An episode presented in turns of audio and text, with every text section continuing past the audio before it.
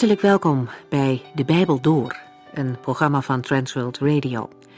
De Bijbel Door is een radioserie die u in vijf jaar meeneemt door de hele Bijbel. Van Genesis 1 tot Openbaring 22.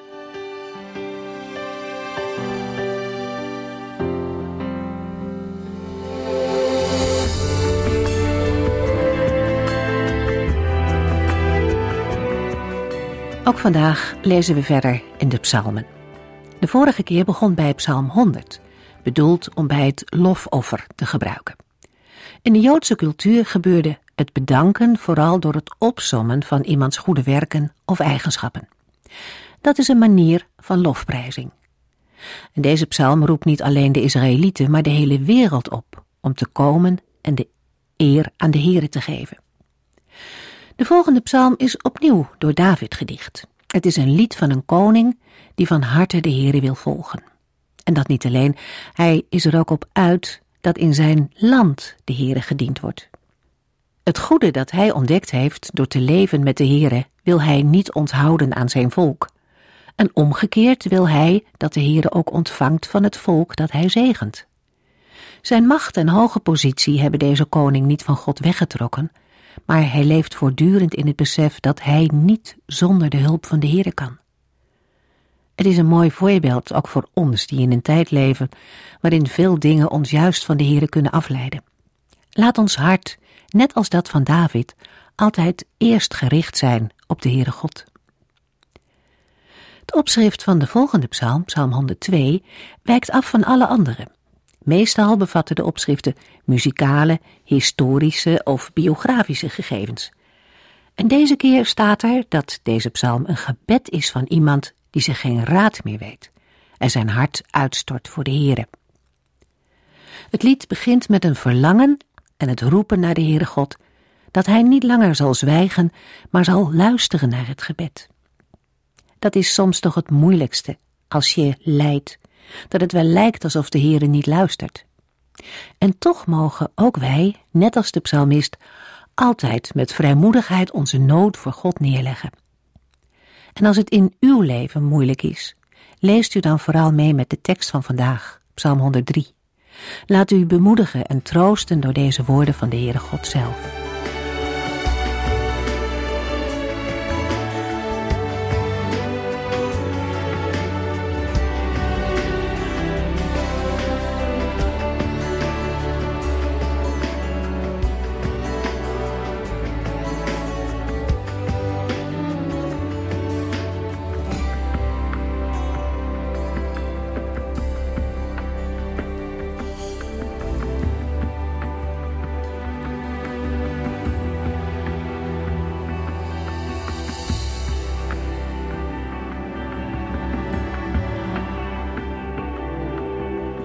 103 heeft, net als Psalm 104, een tijdloos karakter.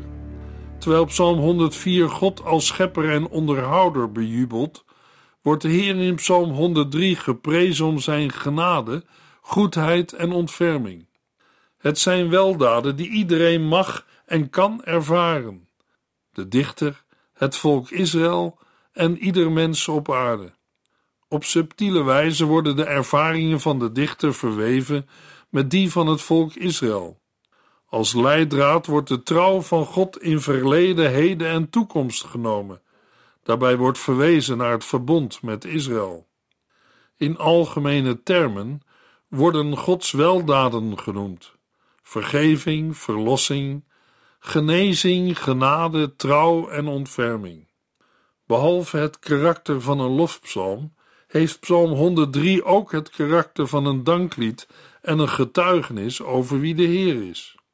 Over de situatie waarin de psalm werd gebruikt, valt eigenlijk niets te zeggen. Psalm 103 bevat geen oproep aan de gemeenschap of het volk om de Heere te loven. De oproep klinkt wel persoonlijk aan de engelen en Gods scheppingswerken. Als zodanig heeft Psalm 103 een algemeen karakter. De psalm staat op naam van David.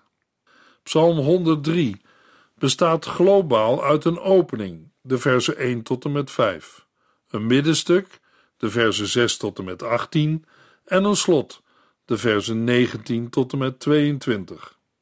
De opening en het slot zijn een aansporing om de Heere te loven vanwege zijn genade, goedheid en ontferming.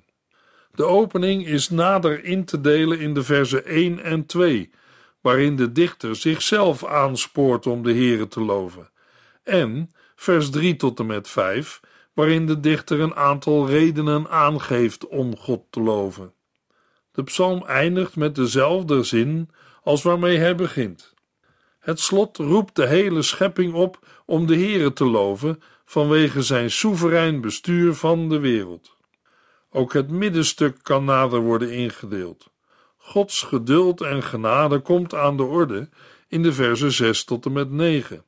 En Gods vergevende liefde en ontferming in de versen 10 tot en met 14. In de versen 15 tot en met 18 wordt Gods trouw van geslacht tot geslacht bezongen. Ieder deel heeft een andere adressering. In de versen 1 tot en met 5 is het de dichter zelf. In de versen 6 tot en met 9 Israël in het verleden. En in de versen 10 tot en met 14 Israël in het heden. De versen 15 tot en met 18 spreken mensen aan. En de versen 19 tot en met 22a alle schepselen in de hemel. De laatste regel, vers 22b, gaat weer over de dichter. Psalm 103, vers 1 tot en met 5. Een psalm van David. Met hart en ziel wil ik de Heere prijzen en zijn heilige naam loven.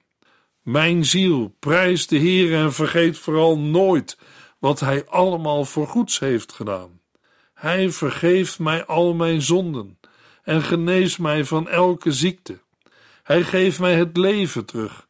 Hij schenkt mij zijn goedheid, trouw en liefdevolle medelijden. Hij overstelpt mij met zegeningen en ik voel mij weer jong als vroeger. De dichter spoort zichzelf aan om de Heere te prijzen vanwege Gods vergevende, genezende en vernieuwende genade. Het gaat hem erom dat hij de Heere niet alleen met zijn lippen prijst, maar met zijn hele hart en ziel. Na de persoonlijke aansporing om de Heere te prijzen, somt de dichter in de versen 3 tot en met 5 een aantal weldaden op. Hij heeft ervaren dat God zonde vergeeft en geneest van ziekte. De Heere verlost het leven van het graf. Dat wil zeggen dat hij van de dood of de ondergang redt. Hij geeft het leven terug. Bovendien vernieuwt hij de jeugd van de dichter. Hij voelt zich weer jong als vroeger.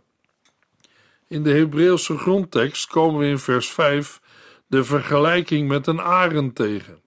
De Heere vernieuwt de jeugd van de dichter als van een arend. Een arend of adelaar vernielt jaarlijks zijn veren door ruien. Dat geldt voor meer vogels. Maar in Psalm 103 is de arend als koning van de vogels het voorbeeld. Ook is bekend dat een arend wel 100 jaar oud kan worden. Psalm 103, vers 6 tot en met 9. De Heere helpt allen die verdrukt worden. Hij laat het recht voor hen zegevieren. Aan Mozes vertelde hij zijn bedoelingen en het volk van Israël mocht zijn grote daden zien. De Heer is vol medelijden, vergeving en genade. Hij heeft geduld en zijn goedheid en trouw zijn overvloedig. Hij blijft niet altijd boos op ons. Eens komt daar een einde aan. In de versen 6 tot en met 9 wordt de aandacht gericht op de relatie van de Heere met onderdrukten. De Heere betoont zijn rechtvaardigheid en neemt het voor hen op. Daarbij moeten we, gezien het vervolg, ook denken aan Israëlieten en in het bijzonder aan de bevrijding uit Egypte. God maakte aan Mozes zijn bedoelingen bekend. Denk daarbij aan de bekendmaking van Gods plan om Israël te verlossen en aan de aanstelling van Mozes als gids en leider van het volk. Het kan tegelijkertijd verwijzen naar de aanwijzingen die de Heere aan Mozes gaf tijdens de woestijnreis en naar andere grote daden van de Heere voor zijn volk Israël. Aangezien de genoemde mogelijkheden nauw met elkaar samenhangen, hoeven ze elkaar niet uit te sluiten. De Heer is vol medelijden, vergeving en genade. Zijn goedheid en trouw zijn overvloedig. In andere vertalingen wordt het woord langmoedig gebruikt. Dat wil zeggen dat de Heer een groot geduld heeft voordat hij zijn boosheid laat zien over de zonde. God blijft niet altijd boos op ons. Met ons is in Psalm 103 in de eerste plaats het volk Israël bedoeld. Maar we kunnen ook denken aan de toorn van de Heere over David, bijvoorbeeld na de zonde met Bathseba. De reden voor Gods handelen lezen we in de versen 10 tot en met 14. Hij behandelt ons niet naar wat wij door onze zonde verdienen. Hij stelt het goede tegenover onze tekortkomingen. Zo groot en machtig als de hemel boven de aarde verheven is, net zo groot en machtig zijn zijn goedheid en trouw voor wie eerbied en ontzag voor hem hebben. Hij neemt onze zonde van ons af en doet ze zo ver weg dat wij het niet kunnen peilen. Eigenlijk net zo ver als het oosten van het westen verwijderd is. Zoals een vader met liefde voor zijn kinderen zorgt, zo zorgt de Heere voor wie ontzag voor hem hebben. Hij kent ons en weet dat wij beperkt zijn. De Heere heeft niet met de Israëlieten gehandeld naar hun zonden en heeft hen niet naar hun daden vergolden, want Gods verbondstrouw is zo groot en machtig als de hemel boven de aarde verheven is. Voor wie? Voor hen die eerbied en ontzag voor hem hebben. Het gaat hier om volkomen schuldvergeving. Zoals een goede vader zich ontfermt over zijn kinderen, zo ontfermt de Heere zich over degene die ontzag voor hem hebben. De Heere kent ons. Hij weet dat wij beperkt zijn. Gedurende Israëls geschiedenis heeft de Heere dit altijd in gedachten gehouden. Hij heeft zich telkens over zijn volk ontfermd. Psalm 103, vers 15 tot en met 18. Het leven van de mens is maar kort.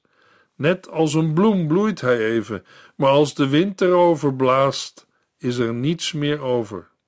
Maar de goedheid en trouw van de Heere zijn eeuwig en gelden voor wie eerbied en ontzag voor hem hebben. Zijn rechtvaardigheid is voor hun nageslacht, voor wie zijn wil doen en met zorg hun levensweg met hem gaan. De versen 15 tot en met 18 beschrijven de vergankelijkheid van de mens. De vergankelijkheid van de mens en zijn korte levensduur staan in tegenstelling met de verbondstrouw van de Heere. Die is eeuwig. De continuïteit van Gods verbondstrouw wordt in Psalm 103 in een spanningsvolle relatie met de trouw van het volk Israël geplaatst. Daarmee wordt een groot appel gedaan op het volk. Laten zij de Heere trouw zijn en blijven. Luisteraar, dat geldt vandaag ook voor ons. Psalm 103, vers 19 tot en met 22. De troon van de Heere staat in de hemel. Hij is koning over alles. Laten alle engelen de Heere loven en prijzen. Zij zijn sterke helden die zijn woord uitvoeren en luisteren naar zijn stem. Laten alle hemelse legers de Heere prijzen. Zij zijn de dienaren die zijn wil uitvoeren. Laat alles wat de Heere heeft gemaakt hem prijzen, overal waar hij heerst. Met hart en ziel wil ik de Heere prijzen. De Heere heeft zijn troon in de hemel. Hij is koning over alles. Het verwijst naar de relatie tussen de schepper en zijn schepping. Daarna volgt een viervoudige oproep om de Heere te prijzen. In de eerste plaats worden de engelen, Gods boodschappers, opgeroepen om hem te prijzen. In de tweede plaats worden al de hemelse legers opgeroepen om de Heere te prijzen, waarmee ook engelen worden bedoeld. In de derde plaats worden in vers 22 al Gods scheppingswerken opgeroepen hem te prijzen. Tot slot spoort de dichter zichzelf aan om de Heere te prijzen met dezelfde woorden als in vers 1.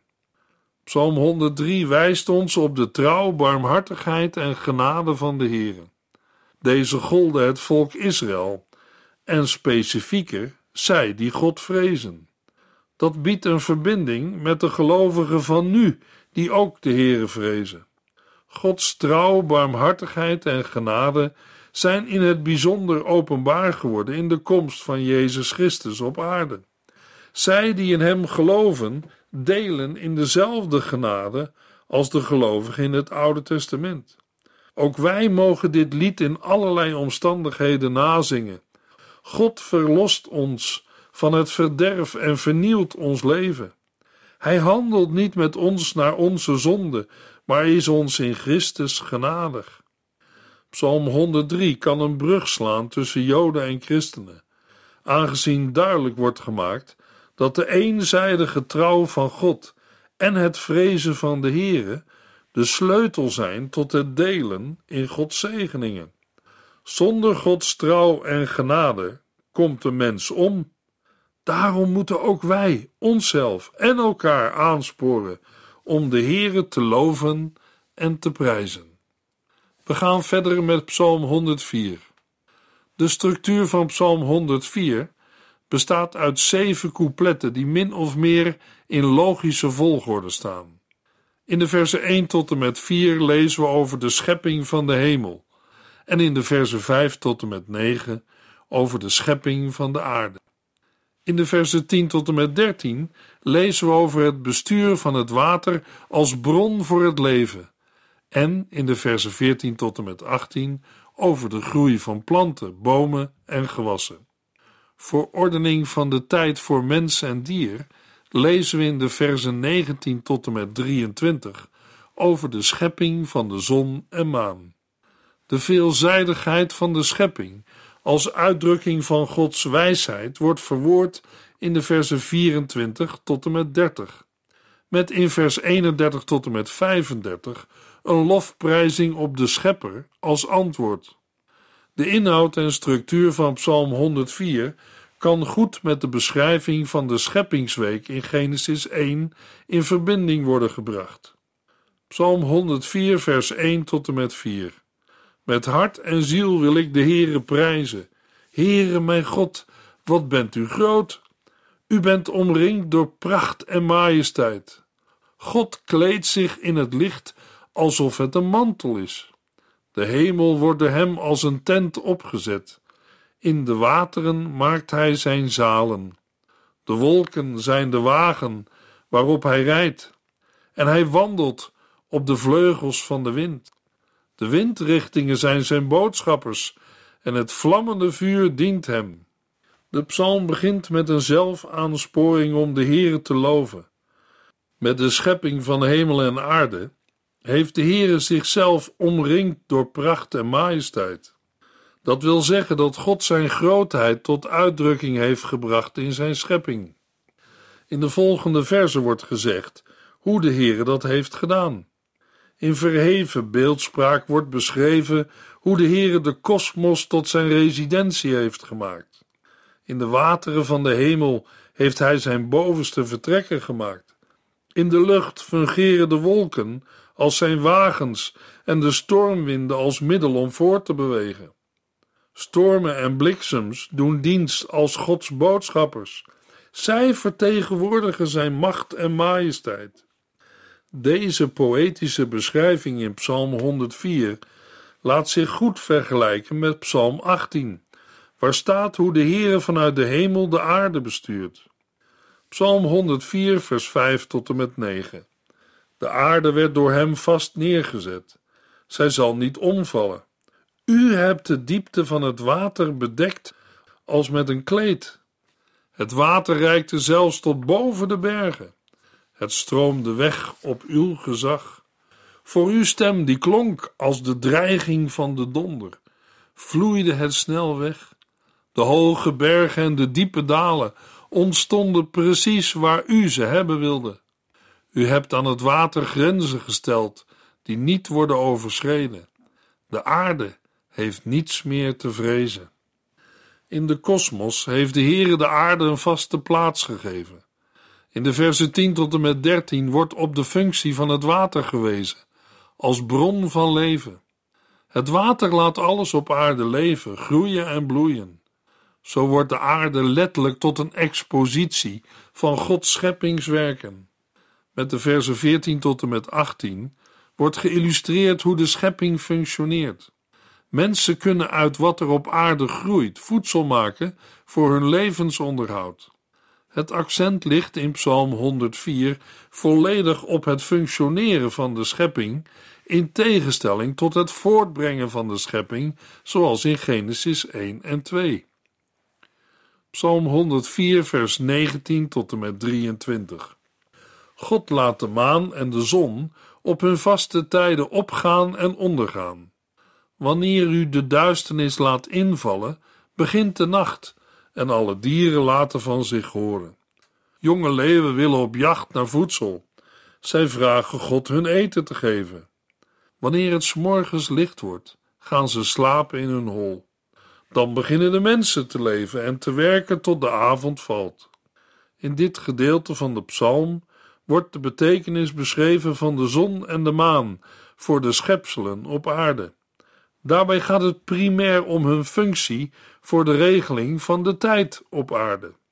Er is een ritme van dag en nacht, bepaald door de zon, en een ritme van de maanden, bepaald door de maan. Het ritme van de maanden stond in verband met het ritme van seizoenen en de godsdienstige feesten in Israël en was belangrijk. Als de nacht ten einde is, leggen de dieren zich ter ruste en staan de mensen op om aan het werk te gaan. Zij wisselen elkaar als het ware af. Ook de mensen gaan werken voor hun voedsel. De versen 24 tot en met 30 handelen over de enorme variëteit die God in de schepping heeft voortgebracht, als ook over de afhankelijkheid van Hem en onderhouding van al zijn schepselen. In de versen 31 tot en met 35 vinden we een uitvoerige lofprijzing voor de schepper van alle dingen. Opmerkelijk is dat de psalm nergens spreekt over het effect van de zonde op Gods schepping. Psalm 104 neemt de schepping zoals deze nu na de zondeval functioneert. Na aandacht voor de Heere zelf te hebben gevraagd, spoort de dichter zichzelf aan om God levenslang te loven door te zingen en muziek te maken. Aan het einde van de psalm wordt de wens uitgesproken dat zondaars en ongelovigen van de aarde zullen verdwijnen. Het is het enige vers in Psalm 104 waarin de zonde even oplicht. Psalm 104 bezingt de Heer als grondlegger en onderhouder van de schepping in zijn huidige toestand en accepteert daarbij dat dieren andere dieren eten. Psalm 104 ziet vooruit naar de volmaking, vers 35. Eens zullen alle zondaars en ongelovigen niet meer bestaan op deze aarde. Met hart en ziel prijs ik de Heere. Halleluja! De schepping is Gods kunstwerk. Volgens Colossense 1 vers 16 is in Christus alles in de hemelen en op aarde geschapen. In het Nieuwe Testament blijkt Jezus macht te hebben over de schepping. We gaan verder met Psalm 105. Psalm 105 is een geschiedenispsalm, een dichterlijke bewerking van historische gebeurtenissen, net als de Psalm 78, 106 en 107. De psalm bezingt de geschiedenis van Israël vanaf de verbondsluiting met Abraham tot aan de intocht in Canaan, zoals beschreven is in de Bijbelboeken Genesis tot Jozua. Het lied concentreert zich op de beschrijving in Genesis 15 tot en met Exodus 17 en beschrijft vooral de daden van de Here in de geschiedenis. Er wordt geen aandacht besteed aan het gedrag en de misdragingen van het volk. De basis voor deze daden is Gods verbond met Abraham en de belofte van het land Canaan. Psalm 105 heeft ook een vermanend karakter en doet een appel op het volk om de Heere te zoeken en zijn geboden te bewaren. Het thema dat telkens terugkeert vanaf vers 12 is Gods bescherming, zorg en redding uit benauwdheid. De psalm heeft daardoor ook het karakter van een danklied. In 1 Kronieken 6 vers 7 tot en met 36 waar beschreven staat dat David de Levieten opdroeg de Here te loven, is Psalm 105 vers 1 tot en met 15 verwerkt en gecombineerd met Psalm 96 en een paar versen van Psalm 106. Psalm 105 benadrukt de trouw van de Heer aan zijn verbond met Israël, de nakomelingen van Abraham en Jacob, en roept op om hem te dienen. Vandaag zien velen in de huidige terugkeer van Joden naar Israël, na een zeer lange periode van ballingschap, de vervulling van Gods belofte. Ook de christelijke gemeente mag delen in de zegen van Abraham en weten dat de Heere trouw is aan zijn beloften. We gaan verder met Psalm 106. Psalm 106 is net als Psalm 105 een geschiedenispsalm, een dichterlijke bewerking van historische gebeurtenissen. Maar in Psalm 106 gaat het niet over de grote daden van God, maar ligt de nadruk op de zonden en ontrouw van Israël. In feite is de psalm één grote schuldbeleidenis, kernachtig samengevat in vers 6. Wij hebben gezondigd, net als onze voorouders. Wij hebben niet geleefd en gehandeld volgens uw wil. Het lied eindigt met lofprijzing op de trouw en goedheid van God op grond van zijn verbond. Telkens was de Heere een redder in de nood. Psalm 106, vers 48. De Heere, de God van Israël, komt alle eer toe, van eeuwigheid tot eeuwigheid. Laat het hele volk dat bevestigen en amen zeggen. Prijs de Heere. Psalm 106 geeft het voorbeeld van schuldbeleiden na ontrouw en zonden. Tevens benadrukt de psalm dat de Heer ondanks onze zonden trouw blijft. Het gaat in dit lied om eenzijdige trouw tegenover de ontrouw van het volk. Zo is het in het leven van gelovigen nog vaak. Als we in ellendige omstandigheden zijn geraakt vanwege onze zonde, mogen we ons toch toevertrouwen aan Gods trouw en genade, die de Nieuwtestamentische gelovigen in het bijzonder is getoond in de zending van Jezus Christus. In deze psalm lezen we over de bemiddelende rol van Mozes, van Pinegas en van de Heere zelf. Als christenen denken we aan onze middelaar Christus. Hij is een verzoening voor al onze zonden. Ook vandaag is het voor christelijke kerken en gemeenten van belang te beseffen wat daden in het verleden hebben uitgericht en hoe wij daar vandaag mee hebben om te gaan. In de volgende uitzending lezen we Psalm 107 tot en met 109.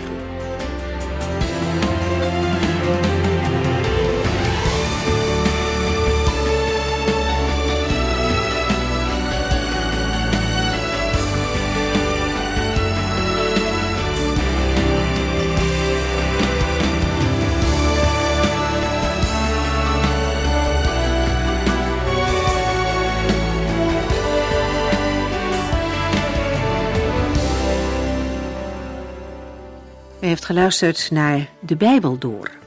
In het Nederlands vertaald en bewerkt door Transworld Radio. Een programma waarin we in vijf jaar tijd de hele Bijbel doorgaan. Als u wilt reageren op deze uitzending of u heeft vragen, dan kunt u contact met ons opnemen. Tijdens kantooruren kunt u bellen op 0342 47 8432. 0342 47 8432. 32. Ook kunt u een e-mail sturen naar de Bijbel door transworldradio.nl en natuurlijk kunt u ook via de post ons bereiken. TWR, postbus 371, postcode 3770, AJ in Barneveld. Dit programma werd gepresenteerd door Cor Weda en Ike André. Techniek was in handen van Odin van Woerdekom. En wij allemaal bedanken u voor het luisteren. Graag tot de volgende keer.